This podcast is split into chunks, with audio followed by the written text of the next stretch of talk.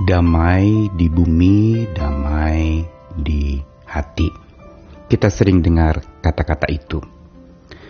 Tapi tahukah bahwa damai di bumi dan di hati baru bisa terjadi dengan nyata bila ada damai dari surga? Dan damai bukan sekedar bicara ketentraman, ketenangan tanpa problem dan persoalan yang berat. Damai juga bukan berbicara tentang melarikan diri dari sebuah kegaduhan lalu mencari tempat sunyi, sepi, dan kita merasa pada saat itu mendapatkan pemulihan. Kita sering sebut healing. Karena damai tidak pernah bisa lepas dari maaf. Kenapa saya katakan demikian? Makna kata damai orang sering kali menafsirkannya sebagai sebuah ketenangan semata atau ketentraman saja. Padahal sebenarnya damai yang sungguh-sungguh adalah sebuah damai di mana antar manusia itu terjadi hubungan yang saling dekat satu dengan yang lain, Tadinya bermusuhan menjadi baik kembali, tadinya saling konflik akhirnya menjadi celik dan lalu berpelukan kembali, dan kata yang penting adalah maaf-maafan. Dan kalau damai di bumi dan damai di hati berasal dari damai yang dari surga, begitu pula maaf. Maaf di bumi dan maaf di hati itu baru bisa terjadi bila kita beroleh maaf dari surga. Karena tanpa maaf di surga, tidak ada yang namanya maaf di bumi. Saya Nikolas Kurniawan kembali menemani di dalam Sabda Tuhan hari ini beberapa ayat dari Mazmur 32 ayat 1 sampai 2 lalu 6 sampai 7 dan 10 sampai 11. Dari Daud nyanyian pengajaran berbahagialah orang yang dia ampuni pelanggarannya yang dosanya ditutupi. Berbahagialah manusia yang kesalahannya tidak diperhitungkan Tuhan dan yang tidak berjiwa penipu. Sebab itu hendaklah setiap orang saleh berdoa kepadamu selagi engkau dapat ditemui. Sesungguhnya pada waktu banjir besar terjadi itu tidak melandanya. Engkaulah persembunyian bagiku. Terhadap kesesakan engkau ya Tuhan menjaga aku. Engkau mengelilingi aku sehingga aku luput dan bersorak.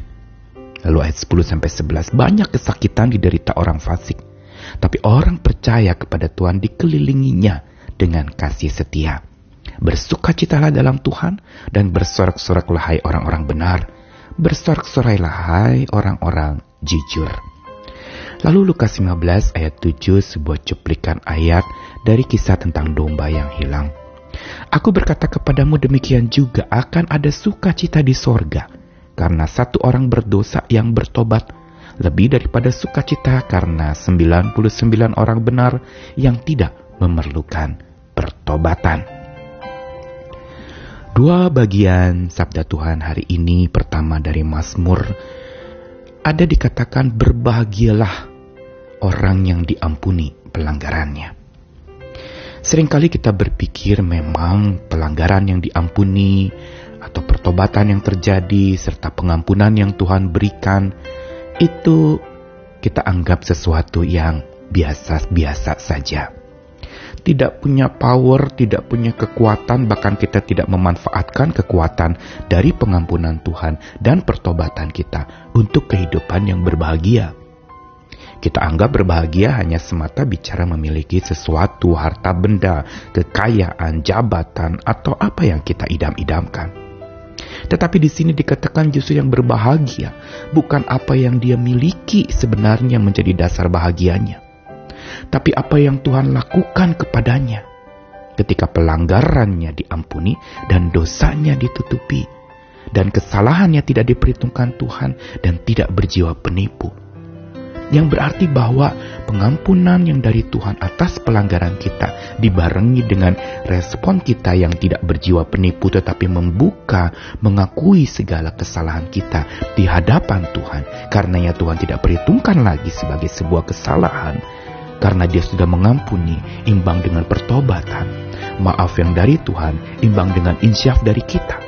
Maka di sinilah sebenarnya sebuah kesatuan dan perpaduan yang indah yang menyebabkan di situ dikatakan bahwa Tuhan menjadi perlindungan bagi orang-orang yang demikian yang insyafnya dilantunkan kepada Tuhan dan maaf dari Tuhan diterimanya. Tuhan menjadi tempat kelegaan di mana Tuhan menjaga setiap orang yang demikian dari kesesakan.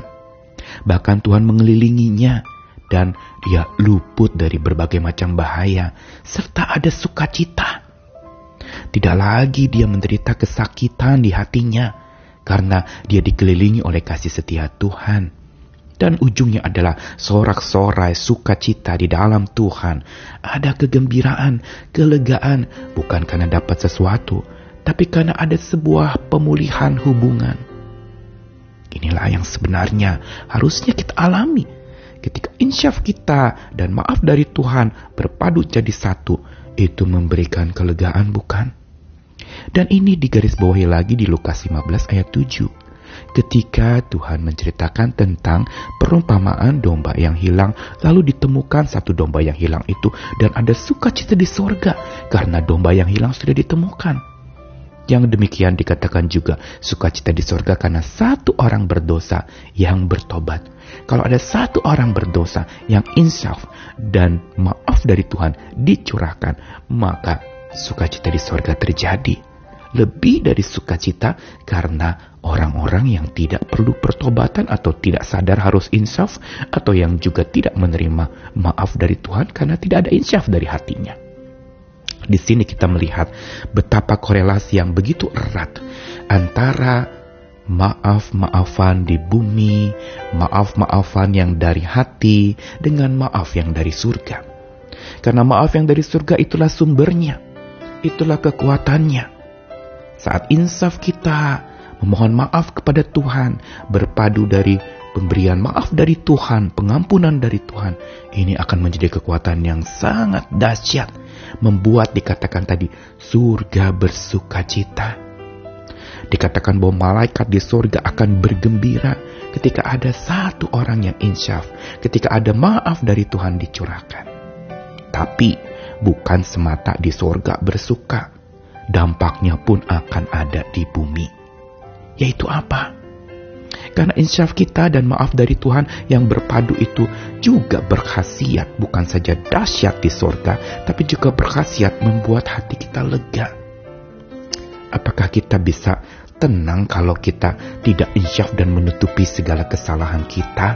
Kita simpan, kita pura-pura tampak baik padahal ada sesuatu yang kita sembunyikan Apakah kita bisa bahagia jiwa kita bila kita terus-menerus ada di dalam rasa bersalah?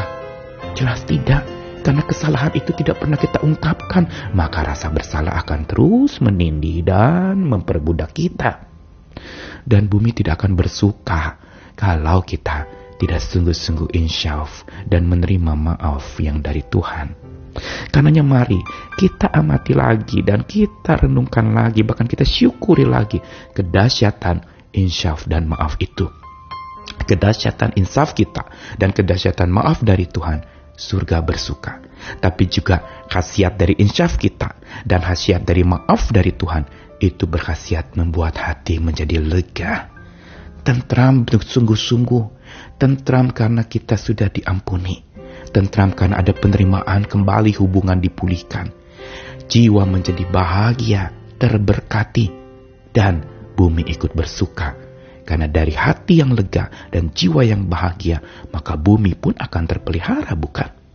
Mari kita nikmati maaf dari surga dengan insyaf dari kita kepada Tuhan sehingga terjadi khasiat dan dahsyatnya kasih Tuhan yang tercurah sehingga damai di bumi, damai di hati terjadi karena damai dari surga. Amin.